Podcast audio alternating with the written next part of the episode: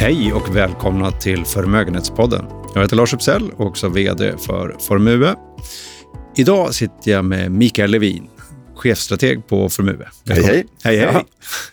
Nu är vi igång. Eh, ja. Det är den 8 maj mm. och eh, jag tänkte vi skulle blicka tillbaka först. Vi hade ju en podd för en månad sedan ungefär. Vi pratade om eh, bankkrisen lite grann. Mm. Ett tema som kommer tillbaka idag. Ja, den är svår att liksom städa under mattan. Ja. Mm. Eh, du drog också en anekdot. Eh, statistiskt kan man säga att eh, det här året kommer sluta på plus.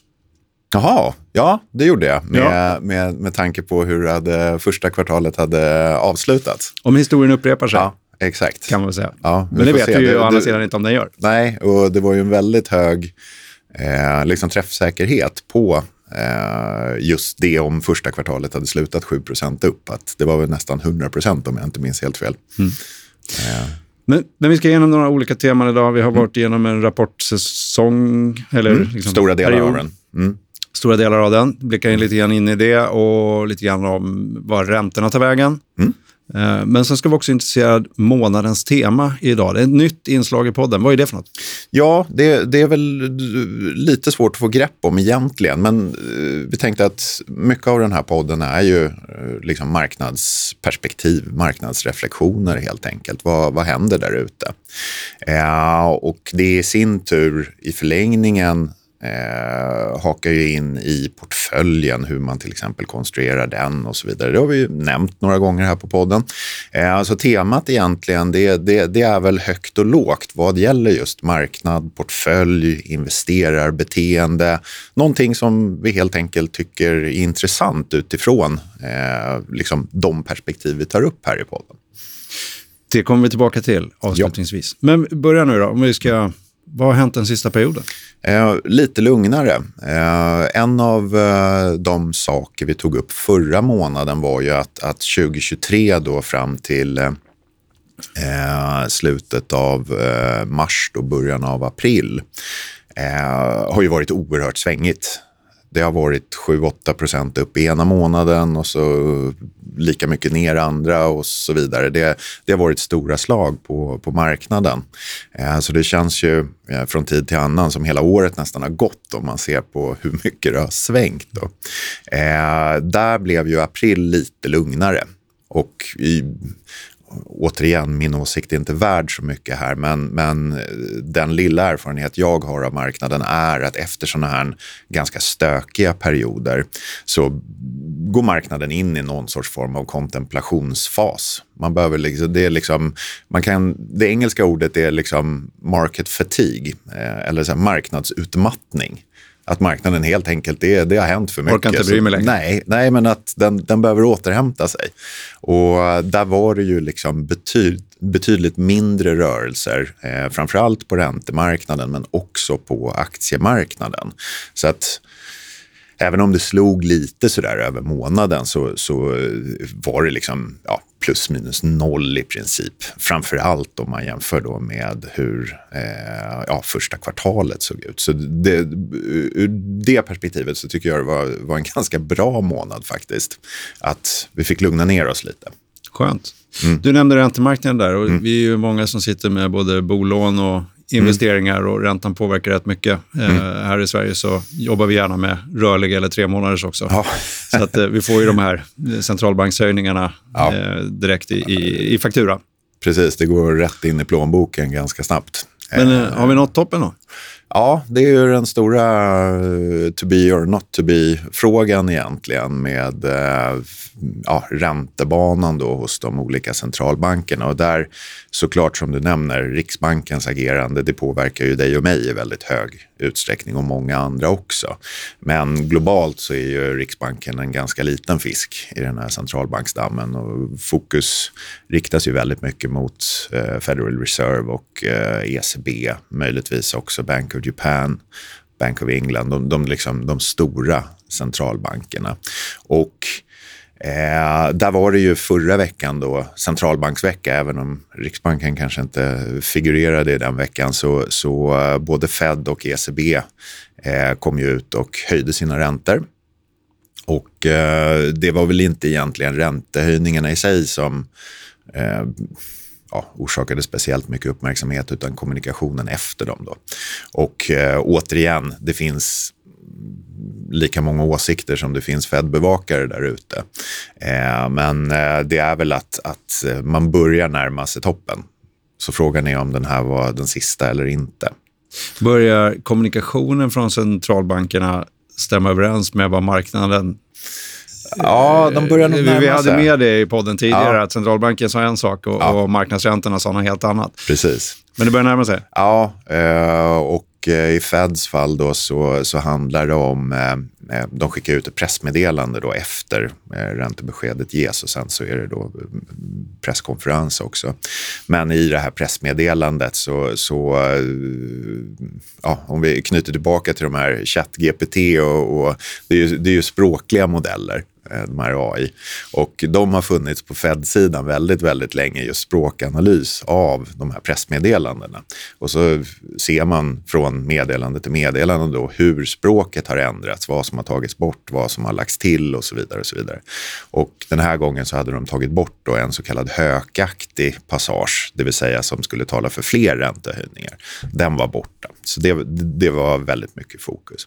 Men det som jag tycker är intressant är ju kanske inte det här om det blir 0,25 till eller inte. Nu har vi kommit upp på ganska liksom höga nivåer. Så om, om räntan är liksom 4,75 eller 5, det är inte det som är den stora, det stora avgörandet. Men det är framför allt vad som händer när man når toppen, när den sista räntehöjningen är gjord. För det är väldigt mycket prat om, om att nu ska centralbankerna ta paus. Och det är sällan de tar paus faktiskt. Eh, och tittar vi då återigen historiskt, det ska man vara försiktig med, det är ingen garanti för framtiden. Eh, men om vi tar alla då räntehöjningscykler sedan 1984 i USA. Eh, så när Fed väl har nått toppen eller den sista höjningen, eh, då dröjer det median 20 veckor och snitt 10 veckor innan de sen börjar sänka. Så det är väldigt sällan liksom de befinner sig länge på toppen. Och centralbankerna är ju, i och med att ekonomin rör sig också, det är potentiellt en, en diskussion här om hönan eller ägget. Eh, är det ekonomin som leder eller centralbankerna? Den har vi inte tid för idag, det, det får vi ta någon annan gång. Kanske morgonens tema längre fram. Ja, någonting sånt. Det, då får det bli ett långt tema.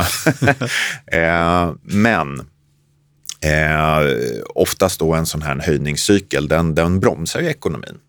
Och eh, förr eller senare så börjar man ju liksom komma till det läget att hmm, nu har vi nog höjt tillräckligt. Och nu börjar det bli bromsa, kanske till och med lågkonjunktur. Ja, vad gör man då? Jo, då sänker man. Eh, så att när man väl har nått liksom den sista, sista räntehöjningen för cykeln, då är det väldigt sällan centralbankerna ligger kvar där så någon de, längre tid. de gillar att ha en riktning helt enkelt. Precis, de är väldigt riktningsbestämda. Och eh, jag tittade lite på eh, Sverige också då sedan 93 när Riksbanken blev mer eller mindre självständiga då, eller fick det här inflationsmandatet och, och ja, de blev frikopplade då från den politiska sidan. Och det är egentligen samma femma där. Att det är väldigt sällan Riksbanken har legat kvar på en räntetopp utan relativt omgående efter man har nått liksom den här toppen så, så har man börjat sänka igen. Och det är lätt att hitta toppen i efterhand. Ja, ja, ja såklart. Det, det är eh, the wonders of eh, databaser. Där, där, där får man ut det mesta. Men eh, oavsett vem som styr vem då, om vi blickar in i ekonomin, Mm. så påverkar väl den hur de här räntebesluten tas. Kan man se någon skillnad där? Börjar det få några effekter, de här räntehöjningarna? Och, Ja, det, det skulle jag vilja säga. Och, och liksom en sån här liten skakning på undre däck skulle ju kunna vara den här bankoron i USA. Eh, men vad gäller den kanske viktigaste drivkraften i ekonomin, eh, oavsett om det är Sverige eller om det är USA, eh, så konsumenten håller sig över över vattenytan ganska, ganska väl. Eh, I Sverige då är det lite mer extremt. Vår konsumtion har ju liksom i, i volymer gått ner en hel del, även om den i priser är fortfarande relativt konstant. Men det, vi får ju mindre för våra pengar idag. Liksom.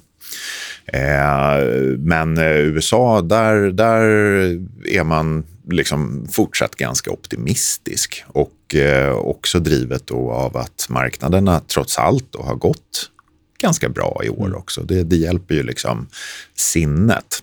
Eh, men jag skulle vilja hävda, nu finns det ju ingen sån här liksom superdataserie eller den enda grafen som, som beskriver hela världsekonomin.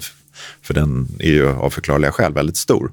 Eh, men eh, jag tror jag nämnt det tidigare här i podden. De stora amerikanska investmentbankerna har ju obegränsat med resurser. Så de bygger ju då mer eller mindre avancerade modeller och eh, Goldman Sachs har en eh, sån här ja, modell som ska ge svaret på allt i mhm. princip. Mm. Den heter CAI, Current Activity Indicator. Och den försöker liksom fånga hela den globala ekonomin. Hur går det i realtid? Eh, och den säger att eh, ekonomin, alltså den globala ekonomin växer med 3,4-3,5 procent i nuläget. Mm. Och det är inte så tokigt. Det är ingen liksom klang och jubelföreställning långt ifrån, men givet då det vi har pratat om nu i, i ja, sen förra sommaren nästan, eh, förra hösten, eh, så har ju världens mest väntade recession ännu inte liksom materialiserats. Och det, det är lite, kan jag tycka, fascinerande. Återigen, det, det är många frågetecken. Det, det är många liksom, orosmoment. Vissa dataserier säger ju att allt ska typ sluta snurra mm. och andra mm, lite bättre fart i, i och sådär. Men vi tragglar oss fram och recessionen liksom, ja, den har ännu inte kommit. Det är ingen garanti för att den inte ska komma. Eh, men ju längre vi undviker den, liksom desto mer får ju ekonomin då tid att anpassa sig till det här faktumet att vi har fått upp räntan på, på för oss, en väldigt ovan nivå. Eh, jag tycker ju då, eftersom jag är, är gammal tänkte jag säga, men när jag läste ekonomi då var ju fortfarande ränta ett begrepp. Och det här med negativ ränta, det fanns inte ens som Nej. koncept. Nej. Eller för den delen nollränta. Man läste en del om det, för Japan körde ju eh, så kallad CIRP, då, Zero eh, Interest Rate Policy, på 90-talet. Eh, men det, det, var liksom, det var någon sån här liten konstig anomali. Eh, så det var mer ett så här studieobjekt. Eh, I liksom vanlig ekonom, nationalekonomiutbildningen så, så just det här nollränta eller negativ ränta, det, det fanns ju inte ens på kartan. Mm. Så jag kan ju tycka att liksom 3-4 procent i ränta, det är ju liksom, det är ganska rimligt. Vi måste ju ha ett pris på pengar. Även om det då svider lite. Det svider lite. Men mm. okej, okay, så att, eh, rent ekonomiskt, det ser inte så illa ut ändå uppsummerat? Nej. Eh, sen återigen, vi, vi får ju skilja på en del grejer här. Det är ju klart att det inte är någon sån där liksom, rosenskimrande föreställning. Framförallt inte i väst, för det är en klar liksom, split mellan mogna ekonomier eller utvecklade ekonomier, eh, västvärlden, och eh, tillväxtländerna eller tillväxtekonomierna de går betydligt bättre. Och eh, IMF, då, Internationella valutafonden, de, de kör ju ut stora prognoser fyra gånger om året och den senaste här var just det är samma tema, att väst kommer att fortsätta växa men kanske någonstans 1,5-1,7 procent enligt dem då, mm. för 2023. Medan tillväxtländerna, drivna av Kina, eh, kommer att nå upp till nästan 4 procents tillväxt, vilket ger då en global tillväxt på någonstans runt 2,5-2,7 procent. Och återigen, inga bra siffror, men, men definitivt inte den här liksom avgrunden då som, som vi kanske pratade om för, för ett halvår sedan, sju, åtta månader sedan. Ja.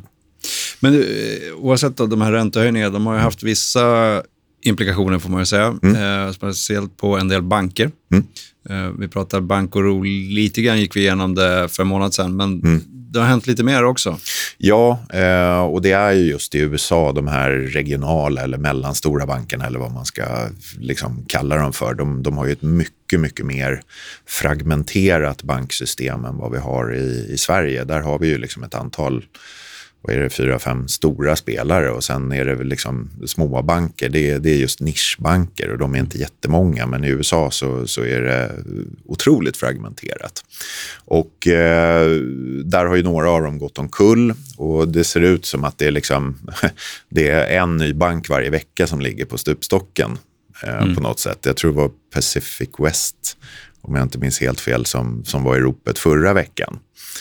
Eh, och det där ligger ju och skaver lite grann. Och eh, jag har ju både hört och, och, läst om då de här jämförelserna med finanskrisen. Är det, liksom någonting, det. är det någonting större på gång här? Är det finanskrisen 2.0? Men där ser det lite annorlunda ut.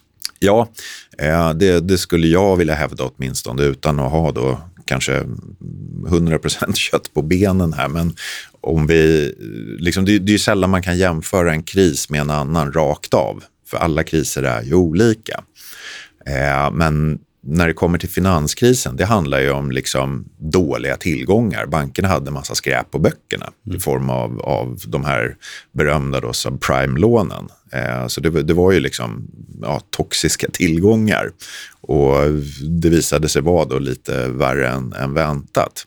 Och det är ju inte fallet den här gången, att, att liksom de här bankerna har just ja, skräpiga tillgångar. Utan det är ju just att räntan har kommit upp. Och deras inlåning då, som i princip eh, var gratis för dem eh, för ett halvår, nio månader sedan. Nu behöver de konkurrera då med korträntefonder eller penningmarknadsfonder på uppåt 5% i USA. Och konsumenterna de är ju inte dummare än att de ser att här, här finns det ganska många procentenheter att liksom få. Och där har utflödet då varit väldigt stort ur de här bankerna och de måste konkurrera med penningmarknadsfonderna genom att höja sina inlåningsräntor. Och vad händer med marginalerna då? Jo, poff. Krymper eller försvinner. Ja, och dessutom då så med den här oron så, så har det ju börjat pratats eh, i USA om liksom ytterligare regleringar eh, för att systemet ska då stabiliseras. Och ökad regelbörda det brukar inte vara bra för marginalerna det heller. Nej, nej.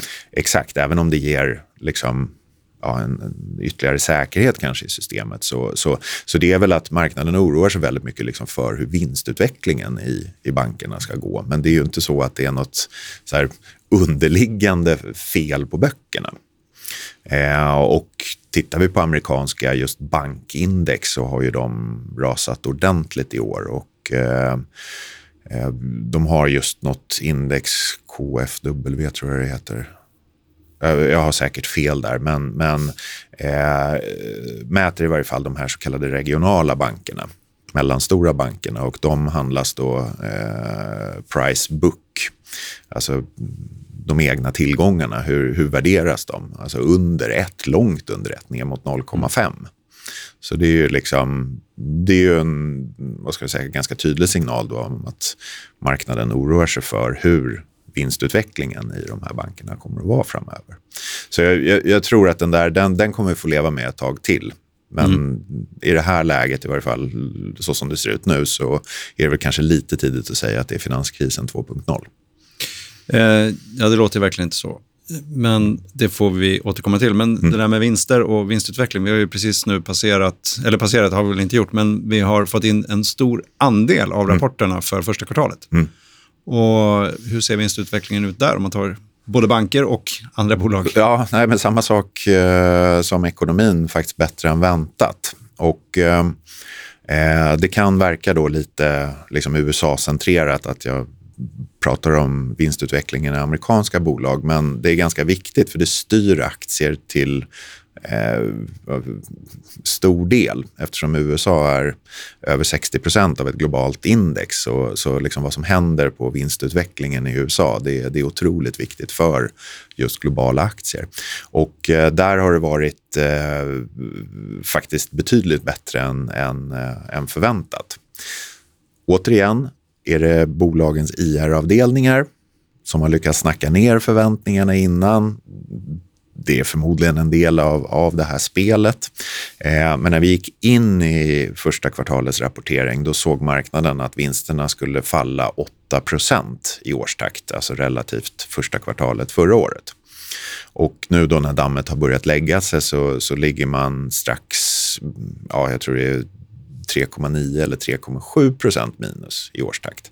Så det är liksom klart bättre än förväntat. Och eh, bolagen de slår förväntningarna också i högre utsträckning än vad de brukar göra. Normalt sett, eh, jag tror i femårssnittet, så, så är det eh, 63 procent, tror jag, eller 62 procent av bolagen som slår förväntningarna. Mm. Eh, och nu har det varit över 70 procent. Så de, de, har verkligen liksom gått bättre än väntat. Och även i Sverige eh, så har ju rapportsäsongen varit eh, väldigt stark. Framförallt och industribolagen har ju gått otroligt mycket bättre än, än, än förväntat. Och det är väl också sådär en liten, vad ska man säga, eh, hint om att eh, ekonomin, både svenska bolag och för den delen amerikanska bolag, det är ju globala bolag så att de har ju försäljning över hela världen. Och om de ändå lyckas liksom leverera den här typen av vinster så är det väl en indikation på att den globala ekonomin kanske inte är riktigt så risig som, som, eh, ja, eh, som vissa vill få det att tro. Mm. Eh, sen återigen, eh, vänder tillbaka lite till ekonomin här, men, men det är ju klart att i Sverige så märker vi av det mer. Sverige går ju inte speciellt bra i nuläget. Det är ju bara det att Sverige är en jätteliten del av, av den globala ekonomin. Så det får liksom inte så stor liksom, genklang på, på det här i, i, i den stora bilden. Men eh, ja, du nämnde höga andelar rörliga lån i Sverige. Räntorna har kommit upp. Vi har haft en högre inflation än Europa. Det är klart att liksom, Sverige har, har tagit en tuffare smäll. Mm. Eh, än, än många andra delar av världen. Men det betyder ju inte bara för att vi upplever det, att det är lite jobbigt, att resten av världen har det precis så jobbigt. För det på marginalen har de inte.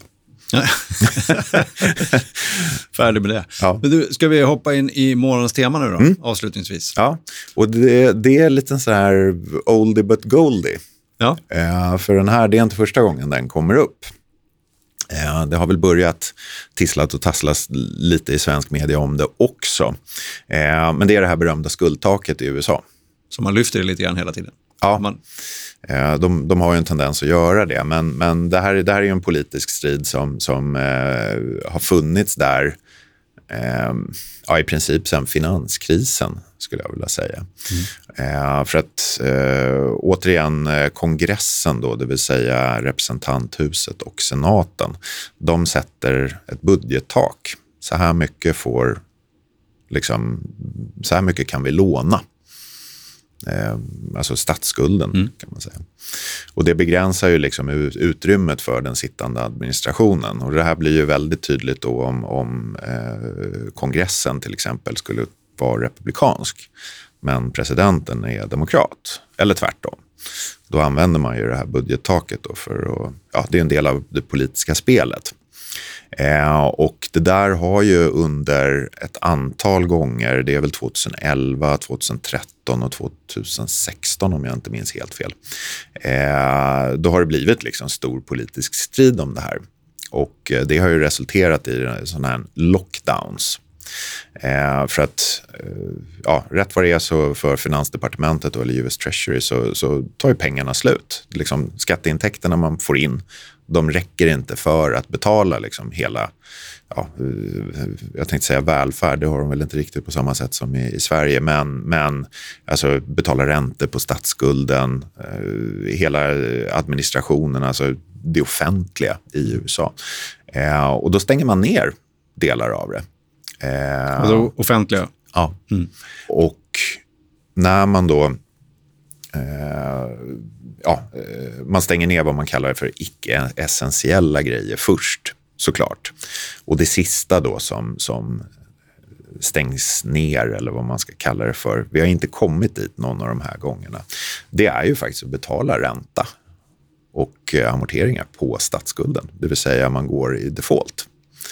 Eh, och det här var väl lite liksom, upprinnelsen då 2011 när man fick ett sänkt kreditbetyg från AAA till AA. Mm.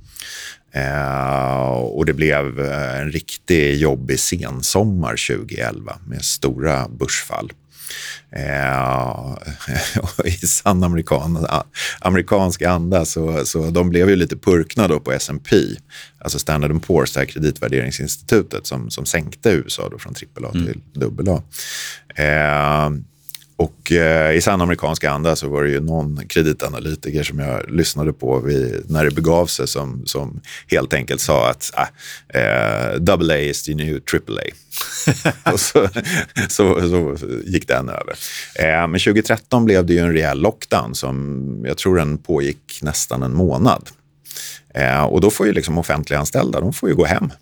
Då blir inget, ingenting gjort. Och eh, det som utlöste det här, det var egentligen förra, eller för, förra veckan tror jag, där, där finansministern då, Janet Yellen, den gamla centralbankschefen, eh, eh pratade just till kongressen eh, och sa det att i början av juni eller möjligen ett par veckor efter det så kommer Treasury att nå till den punkten att de bara har 25-30 miljarder dollar kvar i kassan. Och det du förklara liksom, här nu, Treasury? Ja, det är finans, Finansdepartementet kan man mm. säga. Mm. Att statskassan, då, då, då, då, når de ner till den här kritiska nivån, 25-30 miljarder dollar ish. Mm. Eh, som liksom, då, får de börja stänga ner saker, alltså lockdown. Mm. Eh, och det har inte hittills visat sig eh, liksom några direkt konstruktiva ja, dialoger mellan Republikanerna och Demokraterna. Eh, vi tycker ju att vi har en viss polarisering i Sverige, men, men eh, tro mig, det, den är rätt stor i USA också. Och eh, det hela kompliceras ytterligare av lite att, att eh, både senaten och representanthuset eh, de ligger i så kallad recess, det vill säga då är man inte på plats. Kammaren är inte i session. Så att man har i princip nu ja, det, det är två veckor här. För sen är det recess i representanthuset och veckan efter det så är det recess i senaten. Så det är två veckor på sig att lösa det här innan den första juni då som var Janet Yellens varning. Eh, och i och med då den politiska situationen så, så har det här eh, det har rönt en hel del eh, uppmärksamhet. Och återigen, historiskt så har man ju kommit till någon sorts form av kompromiss. Mm. Tonläget den här gången är ju dock väldigt, väldigt mer dramatiskt. Eh, jag tror att de kommer nog att lösa det där till slut ändå. Men eh, man kan ju möjligtvis ta höjd för att det kan bli lite stökigt om det skulle bli en sån här lockdown och lösningen liksom dröjer. Eh, jag har väl väldigt svårt att se att, att liksom USA ska gå i default. Det, för det, det behöver de ju inte göra. Eh, och jag tror politikerna skulle passa sig väldigt mycket för att göra en liksom, politisk poäng och så går landet i default. Liksom. Mm. Då, det blir ingen bra liksom, Det blir lite stora konsekvenser för det. Ja, nej, men det, det är nog inte värt det. Men, men eh, håll lite koll på den. Eh, sen är det massa just eh, vad ska man säga, här, tekniska faktorer, hur det här förfarandet går till. Det, det har vi inte tid att gå in på idag, men, men eh, det, det finns utvägar. Men vi får säkert anledning, anledning mm. att komma tillbaka det här framåt sommaren då. Mm. Eh, oh, ja. det händer. Och om det kanske blir en jobbig sommar även 2023 då. Mm. Ja, jag hoppas inte det. Eh, för det här, det här är just det här är en sån här grej som inte behöver hända. Vi vet, vi vet ju om den. Ja. Så att, eh, en lösning och sen, sen ja, så kan vi njuta av eh, förhoppningsvis lite varmt väder. Vi hoppas vi får njuta av det. Mm. Det ska i alla fall bli varmt den här veckan. Mm. Eh, med det så tackar vi er lyssnare för att ni varit med oss idag. Eh, hoppas att vi hörs och eh, hörs och syns tänkte jag säga, men, ja. men det blir ju bara hörs. Ja, precis. Hörs. Ja. Vi kanske syns i verkligheten också. Mm. Men välkomna tillbaka längre fram. Eh, följer ni oss inte sen tidigare så gör det gärna på LinkedIn. Där eh, kommer både poddar och annat med. Mm. Så tack för den här gången och hej då. Hej, hej.